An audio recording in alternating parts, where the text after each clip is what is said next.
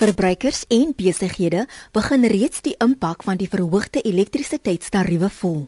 Die groot ding wat ons nou sien is dat dit begin aan die sak raak. So dit raak duur om net 'n gewone huishouding onder elektrisiteit te kan hou. En jy hoor dikwels mense sê my elektrisiteitsrekening was dubbel hierdie jaar wat dit laas jaar was. En so sê Kala van der Westhuizen, hoof van bemarking en verkope by Energy Partners. Ek is Olivia Sambo. Baie welkom by Rand en Sent RSG 100 tot 104 FM. Vandag gesels ons oor die koste en besparings rondom hernubare energie. Die verhoogde elektrisiteitstariewe het die vraag na alternatiewe energie heelwat verhoog. Nie net hou hernubare energie voordele in vir die omgewing nie, maar Kala sê dit hou ook voordele in vir jou sak.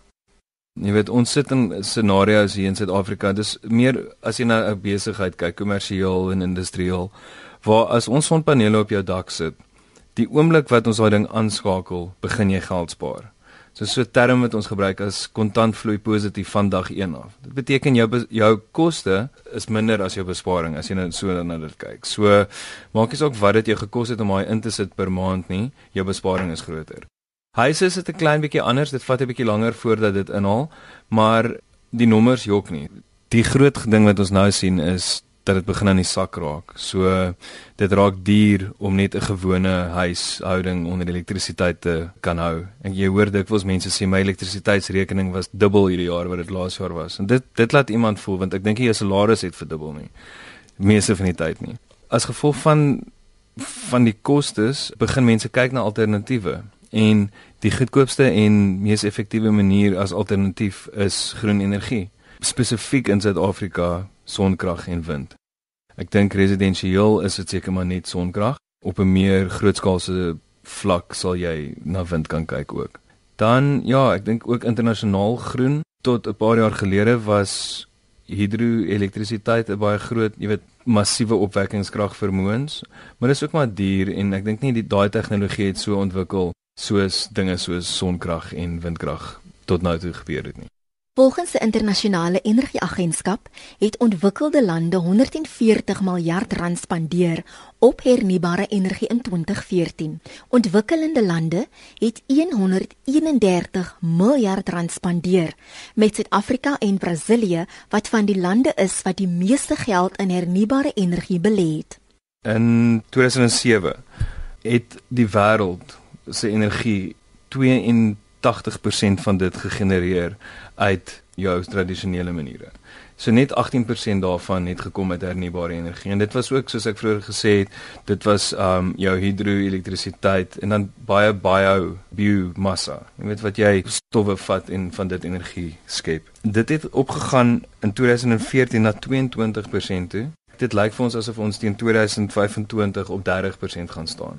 So as jy dink aan dat die wêreld soos wat ons vermeerder in mense, hoeveel meer mense daar is wat elektrisiteit kry, heiliglik is 1.3 miljard van die wêreld sonder elektrisiteit, maar dit raak aansienlik baie vinnig minder omdat dit so maklik is om hierdie hernubare energie fabrieke kan jy nou maar sê op te sit. Ja, dit groei en uh ook wat om in ag geneem te word, is dit raak al hoe goedkoper om dit te doen. So as ons 10 miljard rand hierdie jaar spandeer, dan kan ons 'n sekere hoeveelheid energie opwek en volgende jaar vir dieselfde bedrag kan ons meer van dit opwek. Ek dink die antwoord lê daarin dat in die toekoms ingaan ons wat ons verniet kry, die son en wind kan gebruik aan ons behoeftes te voorsien. Die klimaat in Suid-Afrika maak dit een van die beste lande vir die gebruik van son- en windenergie. En tog word die goeie weeromstandighede nie ten volle benut vir hernubare energie nie. Dis areas so Suider-Afrika. Ek dink Namibië is seker nog beter as Suid-Afrika. Hulle het nog meer son as ons. Australië en die Argentynse gedeelte van Suid-Amerika met 'n bietjie van Brasil is is die beste areas waar die son val. Ek dink ons infrastruktuur vir energieopwek in Suider-Afrika kom tradisioneel van die 50, 60er jare, 70er jare se ou steenkool vervaardigingsprosesse af. En daai infrastruktuur lê nog steeds daar. So wat is makliker kom ons maak hom beter. Ons ons doen niks niets nie. Kom ons hou net aan om daai ene te tap solank as wat hy werk. Maar ons spandeer nie geld op die ander maniere daar buite nie. Weereens totdat ons by die punt gekom het wat dit nou begin duur raak. Ons begin dit in ons sakke voel.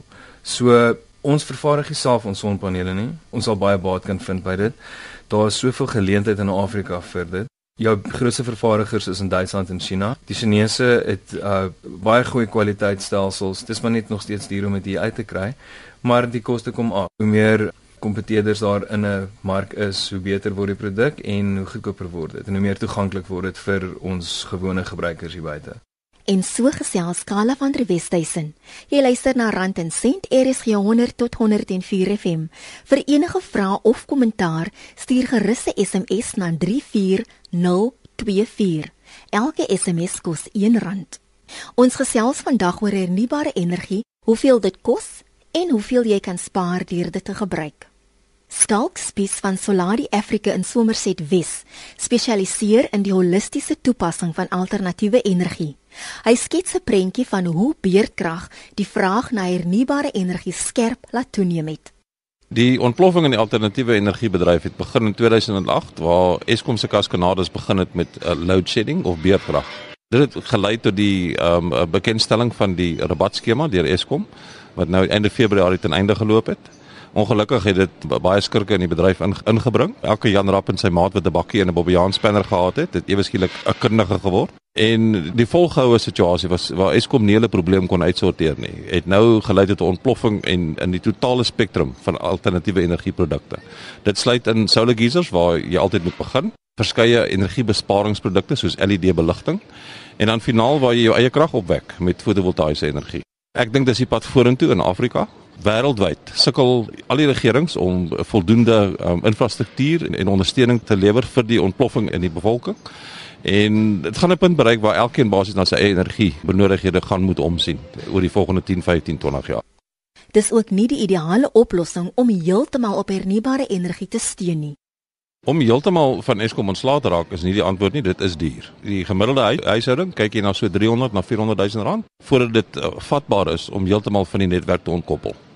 Maar as jy holisties na die bedryf kyk en jy pas al die verskillende tegnologieë wat beskikbaar is toe, kan jy in 'n omgewing van tussen 80 na 150 000 rand kan jy tot 60 70% van jou afhanklikheid van Eskom kan jy van ontslaa raak en dan jy die voordeel dat indien daar beerkrag is, het jy nog steeds jou eie krag.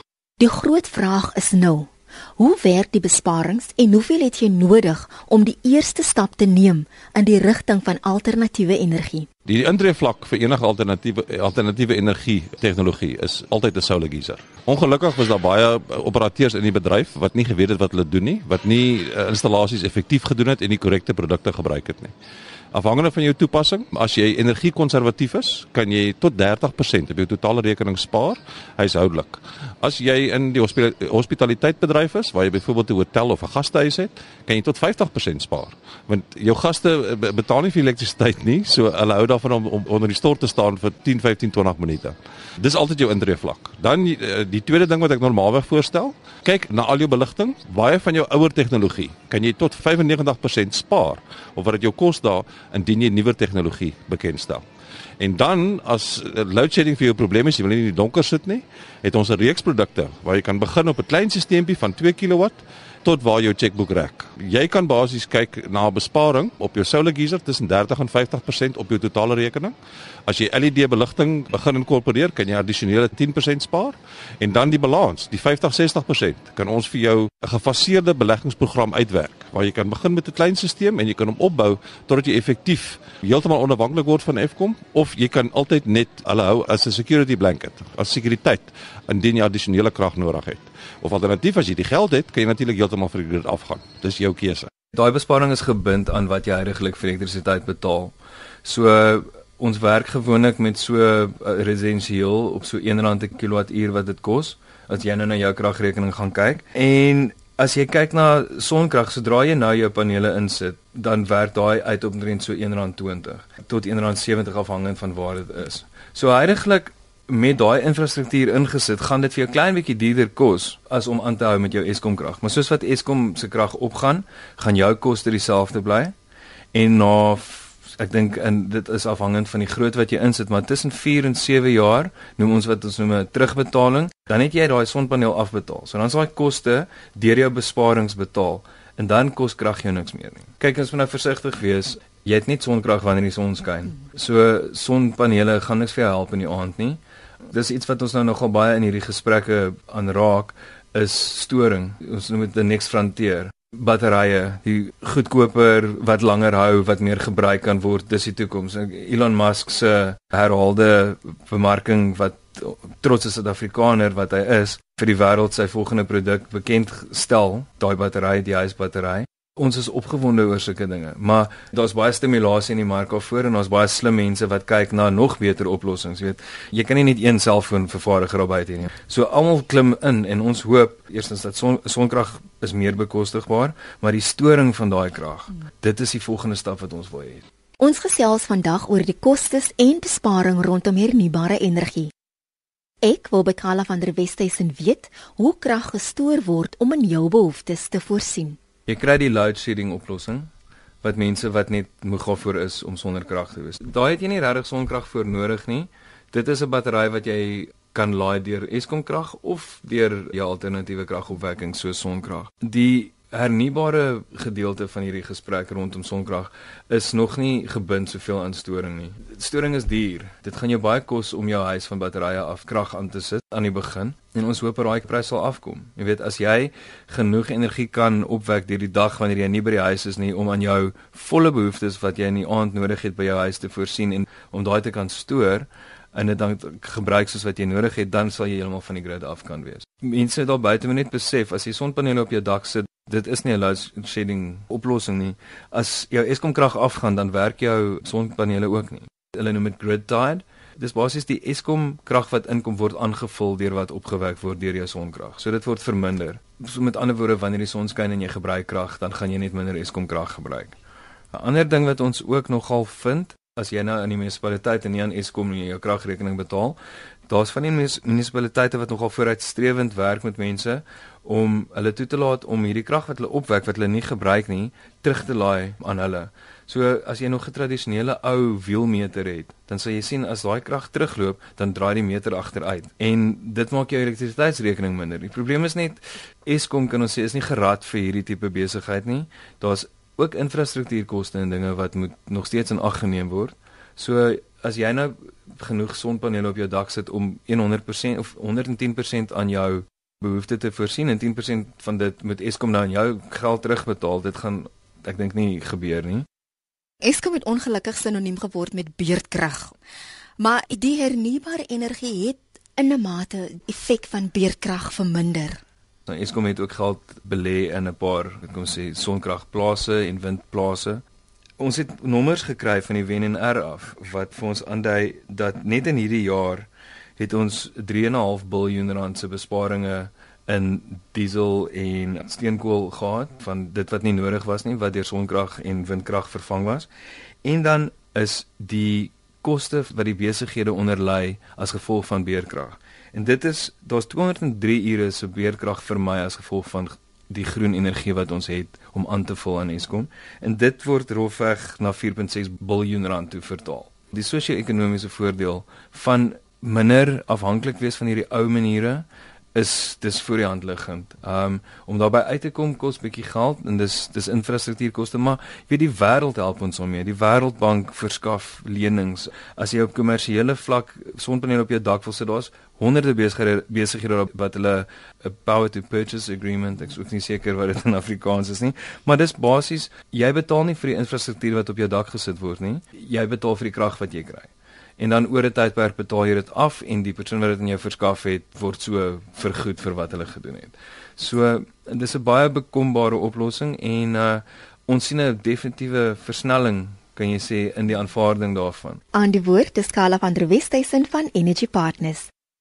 Skalk Spies van Soladi Africa herinner egter wanneer jy oorskakel na alternatiewe energie, moet jy in ag neem hoeveel elektrisiteit jou apparate gebruik, want dit kan in jou besparing ineet. As jy kyk na jou moderne apparate deur uh, veral Duitse maatskappye, kan jy 'n groot dubbeldeur yskas kry vandag wat in die omgewing van so tussen 200 en 300 watts per uur gebruik. Nou ouer yskaste byvoorbeeld gebruik tussen 1 op na 2 kW wat tussen 1000 en 2000 watt is. Jou geyser gebruik byvoorbeeld tussen 3 en 5 kW, met ander woorde eenhede per uur. Lugversorging gebruik in 'n omgewing van tussen 2 en 3 kW, met ander woorde tussen 2 en 3000 watt. Ondervloerse verhitting is natuurlik 'n absolute ewel. Dis die swaarste verbruiker van elektrisiteit wat jy kan kry. Enige navraag wat ons kry in die maatskappy, benader ons op 'n wetenskaplike basis. Ons kom in, ons doen 'n energie-audit. Ons noem dit basies 'n energieverbruiksanalise waar ons vir jou presies uitwys waar jou krag heen gaan. En aan die oomblik wat ons dit gedoen het, werk ons vir jou 'n gefaseerde program uit hoe jy stap vir stap jou blootstelling aan Eskom kan verminder. As gevolg daarvan kan jy natuurlik geld bespaar per maand. Kom ons sê jy het 'n elektrisiteitsrekening van R2000. Jy kan dit afbring met tussen 12 en R1500 'n maand net deur die solar geysers te installeer. As jy dan LED beligting inbring, kan jy addisionele 100 of 200 uh, rand per maand bespaar. Op daai basis, as jy 'n R2000 rekening het, kan ons dit dan afbring na R1000 toe voordat jy moet begin investeer in jou eie kragopwek. Jou voordeel van jou eie kragopwek, as jy 'n maatskappy hê wat weet wat hulle doen, kan hulle vir jou energie verskaf terwyl daar load shedding is. Jy as kliënt besluit self waarvoor jy jou krag gaan nodig hê indien daar beurtkrag sou wees. Met ander woorde, jy kan of besluit net jou basiese energie vir jou alarm, vir jou ligte, vir jou televisie, vir jou komputer uh, om jou selfone te laai om seker te maak jou telefoon werk ensovoorts. Dis 'n basiese stelsel. En dan van daar af kan jy natuurlik opgradeer afhangende van ehm um, wat jou begroting is vir die spesifieke projek. So as jy mens kyk na jou besparings, sê ek altyd vir mense alternative energy is an investment that is a journey, it's not a destination. Jy moet die ding stap vir stap en holisties benader. Moenie net inspring en sê, "Oké, okay, kom ons spaar geld, boem, spandeer 'n bietjie geld nie." Kry iemand wat vir jou die hele ding analiseer en vir jou 'n gefaseerde program uitwerk waar jy begin hiermee en van daar af soos wat die begroting toelaat, neem jy dit stap vir stap verder. Ekonome noem ook dat beurtkrag voedselsekuriteit kan bedreig. Dit het boere genoop om ook gebruik te maak van alternatiewe energie. Ek glo dit is een van die grootste markte wat braak lê op die oomblik in Suid-Afrika. Sekuriteit in ons landelike omgewing raak baie baie belangrik as gevolg van al die plaasmoorde ensovoorts. Meeste van die boere het alreeds belê in in groot generators vir backup en daai tipe van ding. Enige navraag wat ons het, benader ons op 'n wetenskaplike basis. Ons ons analiseer presies waar jou aanvraag is. Ons verseker dat indien Eskom wegval vir 2, 3 of 4 ure of selfs vir 'n week of 2 weke, vir al die boere in die landelike om, omgewing dat hulle basiese energie het en A bespaar hulle geld deur die investering in die tegnologie en B het hulle dan die sekuriteit dat 24 ure 'n dag, 7 dae 'n week het hulle hulle eie krag. Dit was Skalk Spies van Soladi Africa. Jy luister na Rand en Sent op RSG 100 tot 104 FM. Kala van der Westhuizen gesels vandag oor die kostes en besparing rondom hernubare energie. Dit is miskien 'n bietjie oorweldigend as jy al hierdie dinge vergelyk met mekaar, maar daar is onafhanklike liggame wat vir jou die regte antwoorde gaan gee. En die enigste vraag is hoeveel moet ek spandeer? Dit is voor die hand liggend dat jy die son bo jou het in Suid-Afrika en hy skyn die hele dag. En daai energie, weet jy, as jy dit op jou arm voel, is sterk. Dis daar. En as jy daai energie kan gebruik en dit omskakel in enige iets in jou huis net om jou eie sak bietjie bietjie meer te strek, bietjie langer vakansie te kan bekostig of die kind darm minder van 'n studielening te laat hoef aan te gaan eendag. Dis daai voordele wat ons nou moet kyk vir die langtermyn. Ons gaan nog lank op hierdie planeet wees en die dinge wat ons tot nou toe gebruik het raak op, raak te duur om te gebruik.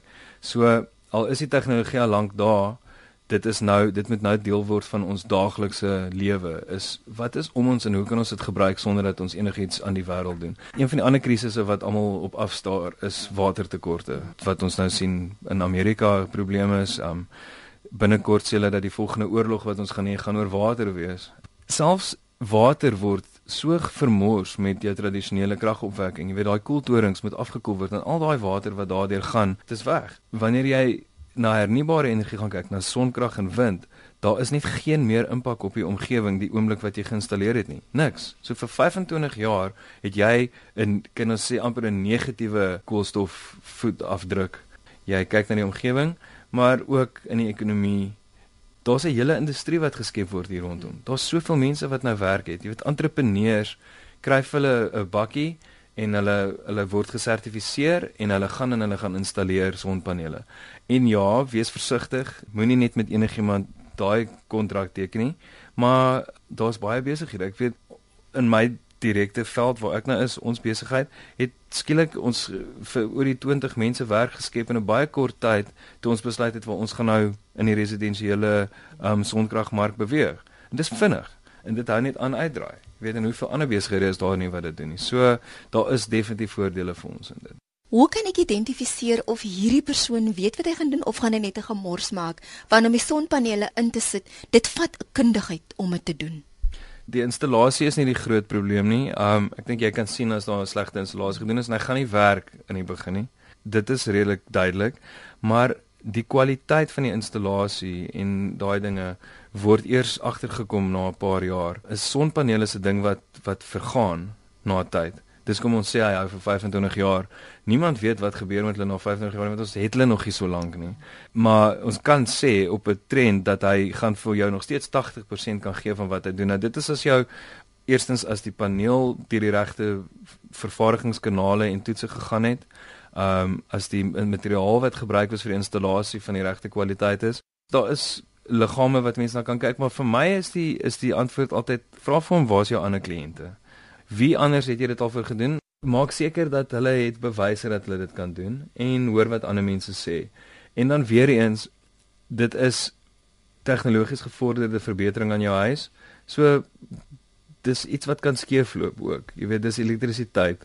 Jy wil nie hê dat enige iemand moet aan jou elektrisiteit in jou huis kom krap en dan as jy weer sien dan is jou huis afgebrand nie. So maak seker dat jy met die regte mense onderhandel miskien sal dit 'n klein bietjie duur wees, maar jy kry wat jy vir betaal in hierdie geval.